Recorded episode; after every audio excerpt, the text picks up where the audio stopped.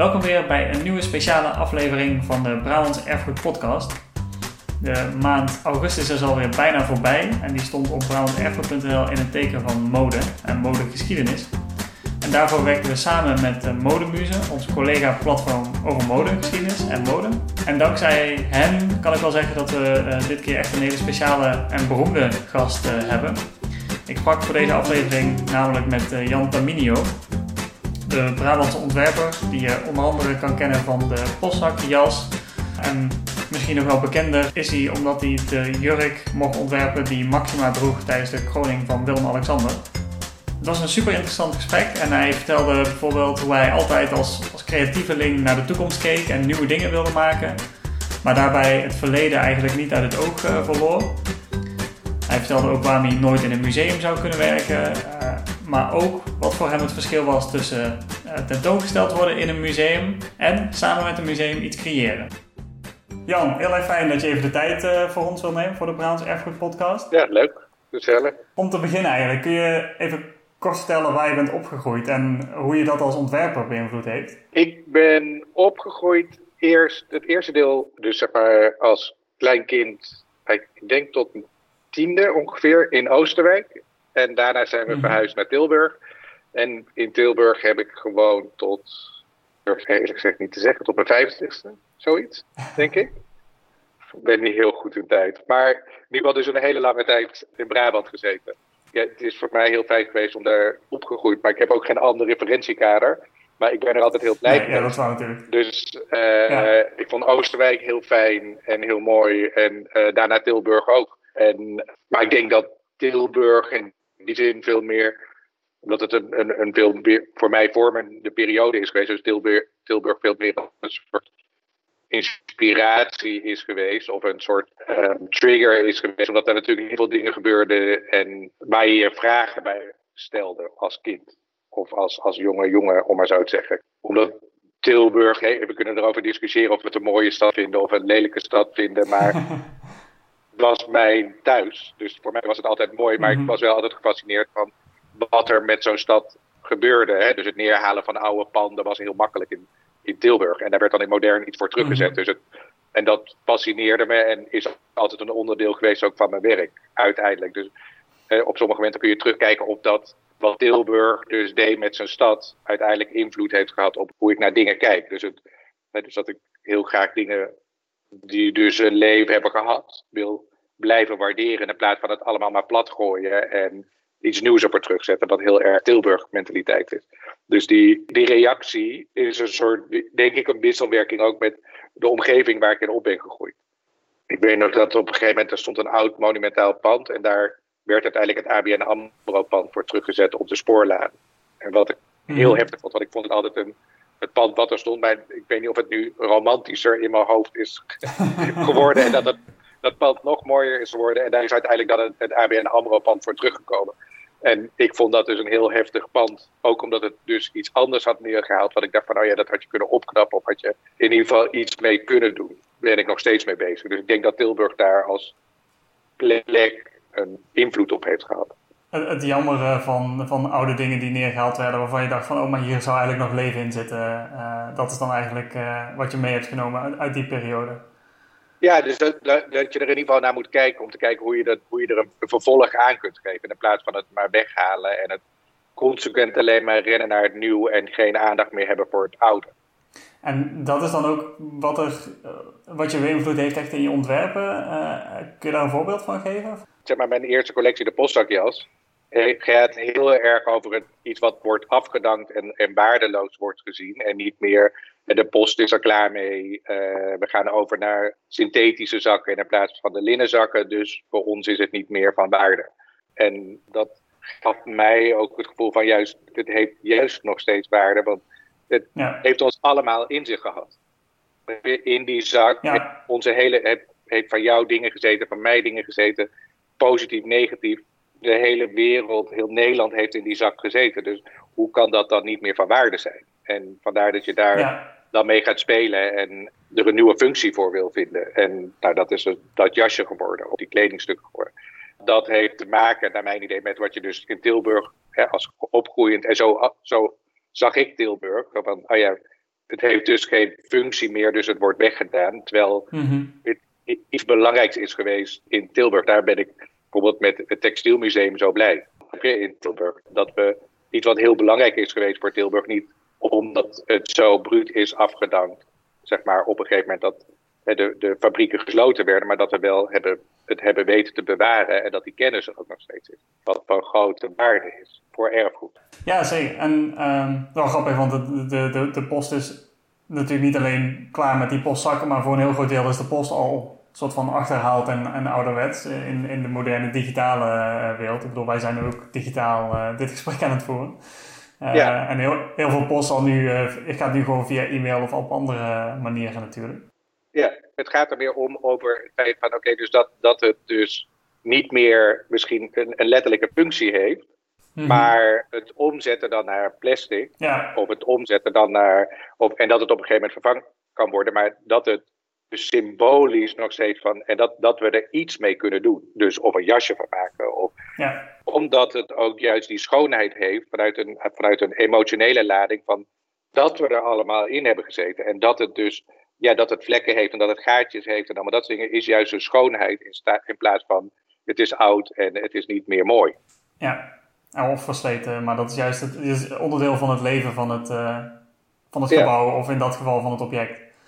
Ja. Je noemde ook het textielmuseum. Ik vond het wel interessant. Um, je hebt ook echt, je hebt natuurlijk geëxposeerd in het textielmuseum, maar je hebt ook echt samengewerkt met het textielmuseum in de zin van, uh, je hebt samen iets gecreëerd. En dat is misschien wat mensen niet zo snel met uh, een museum associëren. Waarom heb je op zo'n manier met ze samengewerkt? Het was een hele simpele gedachte. Als, als, ik zat nog op de academie toen ik begon.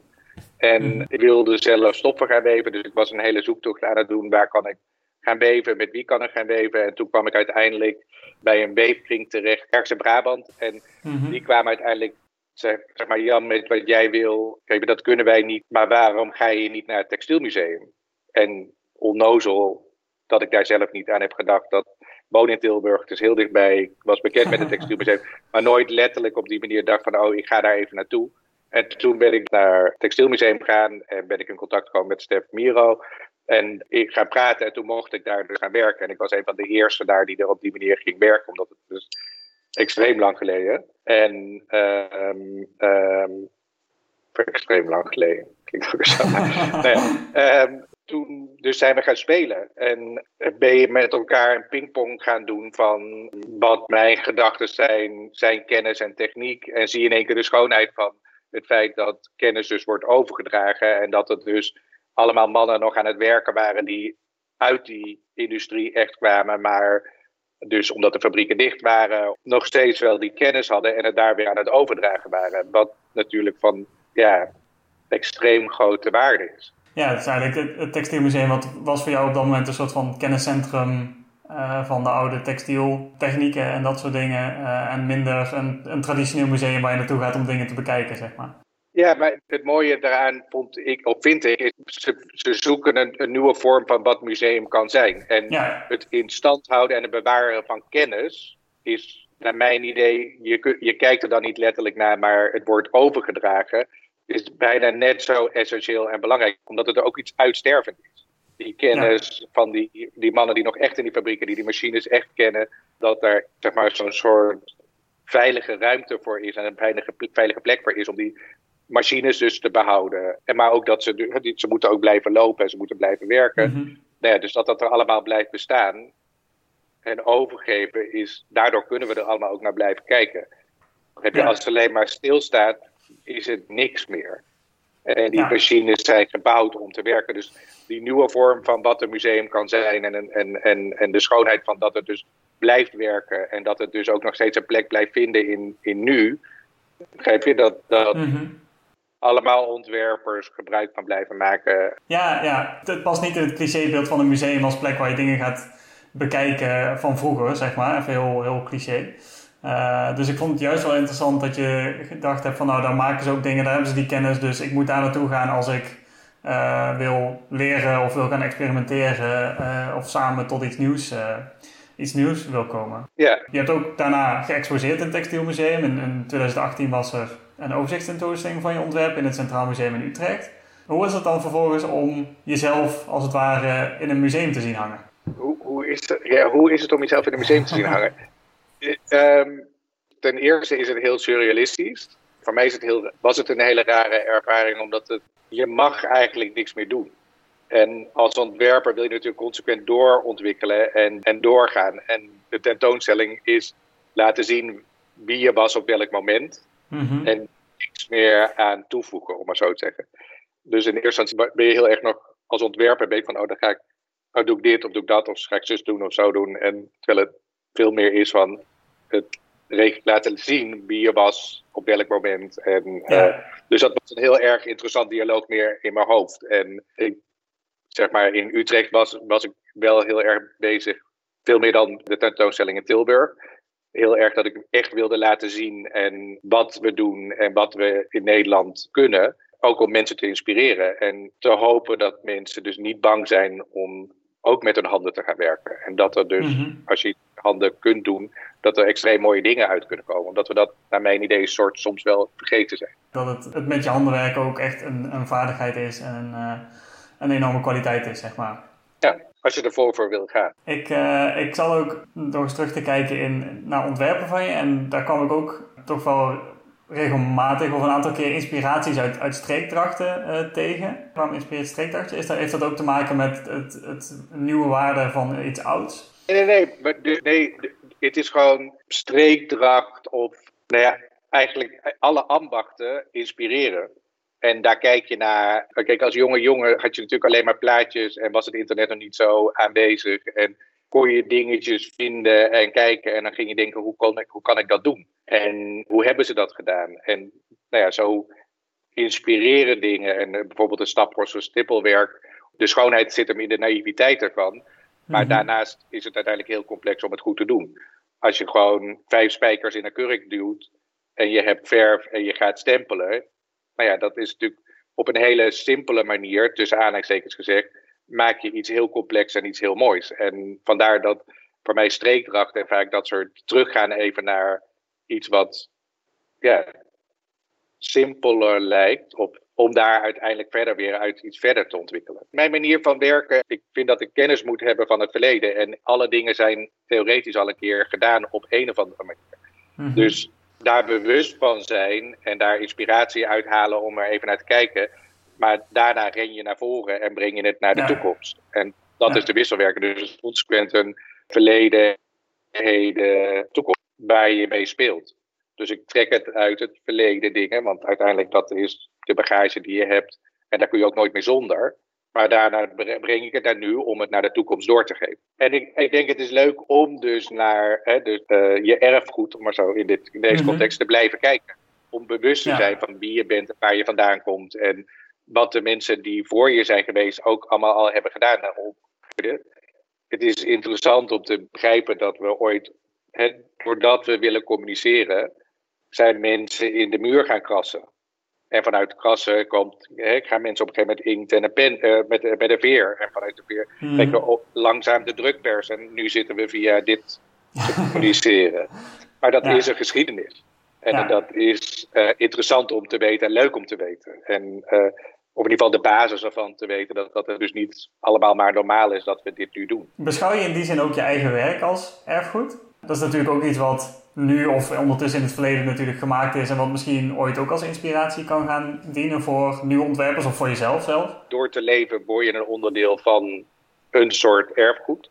Mhm. Ehm, nee, ik ben, ben er, zelf heb ik er nooit over nagedacht. Het enige moment dat ik er over nadacht, of dat je er een bewust van wa- was, was met de Koningsjurk. ja. Want dat, omdat je daar werd je in één keer onderdeel van iets totaal anders, waardoor je weet, een soort bewustzijn had in één keer, of in één keer dacht van, oh ja, over honderd jaar komt die foto, want je ziet nog steeds koningsfoto's van alle voor, voor hun. Je? Dus je, die foto's Ja. blijven makkelijker terugkomen. Dus vandaar, toen had ik wel in één keer zoiets van, "Ah, nu word, word je onderdeel van de geschiedenis. En ben je Ja. onderdeel van de geschiedenis. Daardoor ga je er iets meer op die manier naar kijken. En ben ik me bewust van het feit dat doordat musea's je werk aankopen en opnemen in hun collectie, dat dus mensen er nog toegang toe hebben voor een hele lange tijd. Dat er niet alleen ehm, over 50 jaar iemand naar een foto, een, een foto kijkt van de kroning van, uh, van Willem-Alexander, waar ze jouw jurk dan zien, maar ook misschien over 50 jaar in een museum staan waar ze voor een uh, werk van jou, of een ontwerp van jou staan. Ja, als je een voorliefde ervoor hebt, of je nou naar het Kielmuseum heeft, werk van Utrecht, Den Haag. Zeg maar, dus als je dus interesse erin hebt, kun je het depot in en kun je een jurk van mij daar nog steeds aantreffen. En ja. die worden natuurlijk behandeld als goden.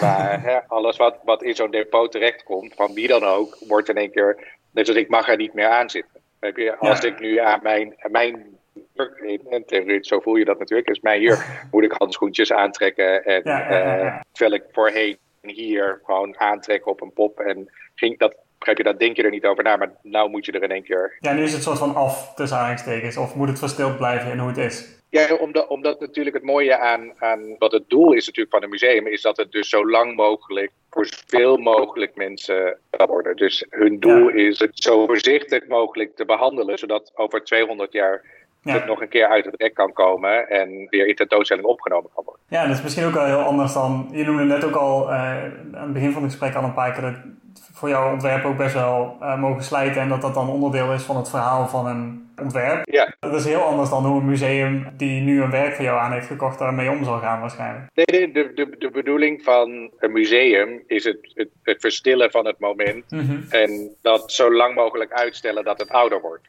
Ja. Om maar zo te En uh, hetgene wat ik wil is dat dingen leven. Maar ja, dat is mijn proces. Ja, precies. Ja. Dus dat was in eerste instantie binnen. Maar dat begrijp, ik begrijp nu wat zij willen. En ik ben ook heel blij ja. dat er dus musea's zijn die dat dus doen.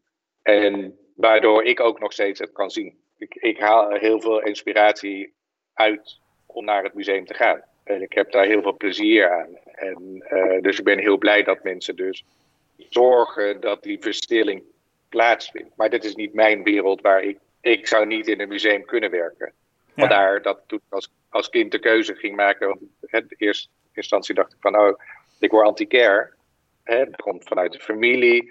Maar ja, toen ik uiteindelijk besefte dat ik niks meer mocht doen aan dat werk. Dus dat je een kast koopt of een schilderij koopt, dat je daar niet meer iets aan toe mag voegen. Omdat mm -hmm. dat, ja, is niet de bedoeling. En het heeft al zo lang geleefd dacht ik, oh nee, ik moet dit niet gaan doen. Ik heb blijkbaar zo grote behoefte om zelf iets te zeggen. Ja. Ik ga naar de kunstacademie. Dat duidelijkheid, dat, dat, dat verstillende, uh, hoewel uh, het je interesse heeft vanuit een, een soort van historische, historisch besef, of erfgoedbesef, dat het toch net niet jouw wereld is en dat je toch echt zelf juist daar weer iets nieuws van, uh, van wil maken. Ja, ja, dat je het de hele tijd weer mee naar voren wilt trekken. Ja, en daar, daarover gesproken, we hebben nu over het verleden en over de toekomst gehad eigenlijk. Um, wat zijn dingen waar je nu mee bezig bent aan? Uh... We zijn nu heel druk bezig met, waar we altijd mee bezig zijn, is het, is het maken van jurken en creaties. En dat met heel veel plezier in het team.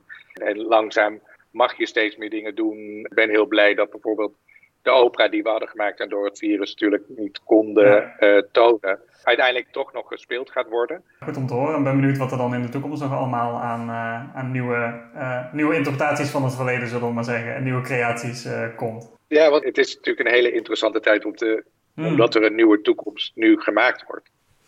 Ja, ja zeker. In, in, in, een zekere zin. We zijn nu allemaal bezig met het hervinden van wat de nieuwe realiteit voor de toekomst wordt. En het is het geestige dat voor mij dan, zoals ik het ervaren heb in deze periode, met het voor het eerst voelen dat er geen toekomst tijdelijk is, omdat je niet vooruit kunt denken. Mm-hmm. Nou ja, daar dus mee werken. Oké, wat wordt dan die nieuwe toekomst? Ja. Is interessant. Voor een creatieve is het heel interessant. Buiten kijf alle ellende, maar... Uh, um...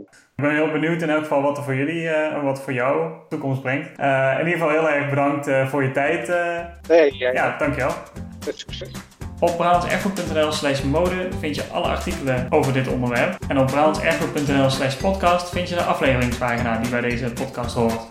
Daar vind je ook alle andere podcasts. En die zijn overigens ook gewoon te vinden op Spotify, Apple Podcasts of Stitcher. Wil je nu op de hoogte blijven van wat er uh, allemaal voor nieuws verschijnt op brabantserfgoed.nl? Abonneer je dan op onze nieuwsbrief. En dat kan via brabantserfgoed.nl slash nieuwsbrief.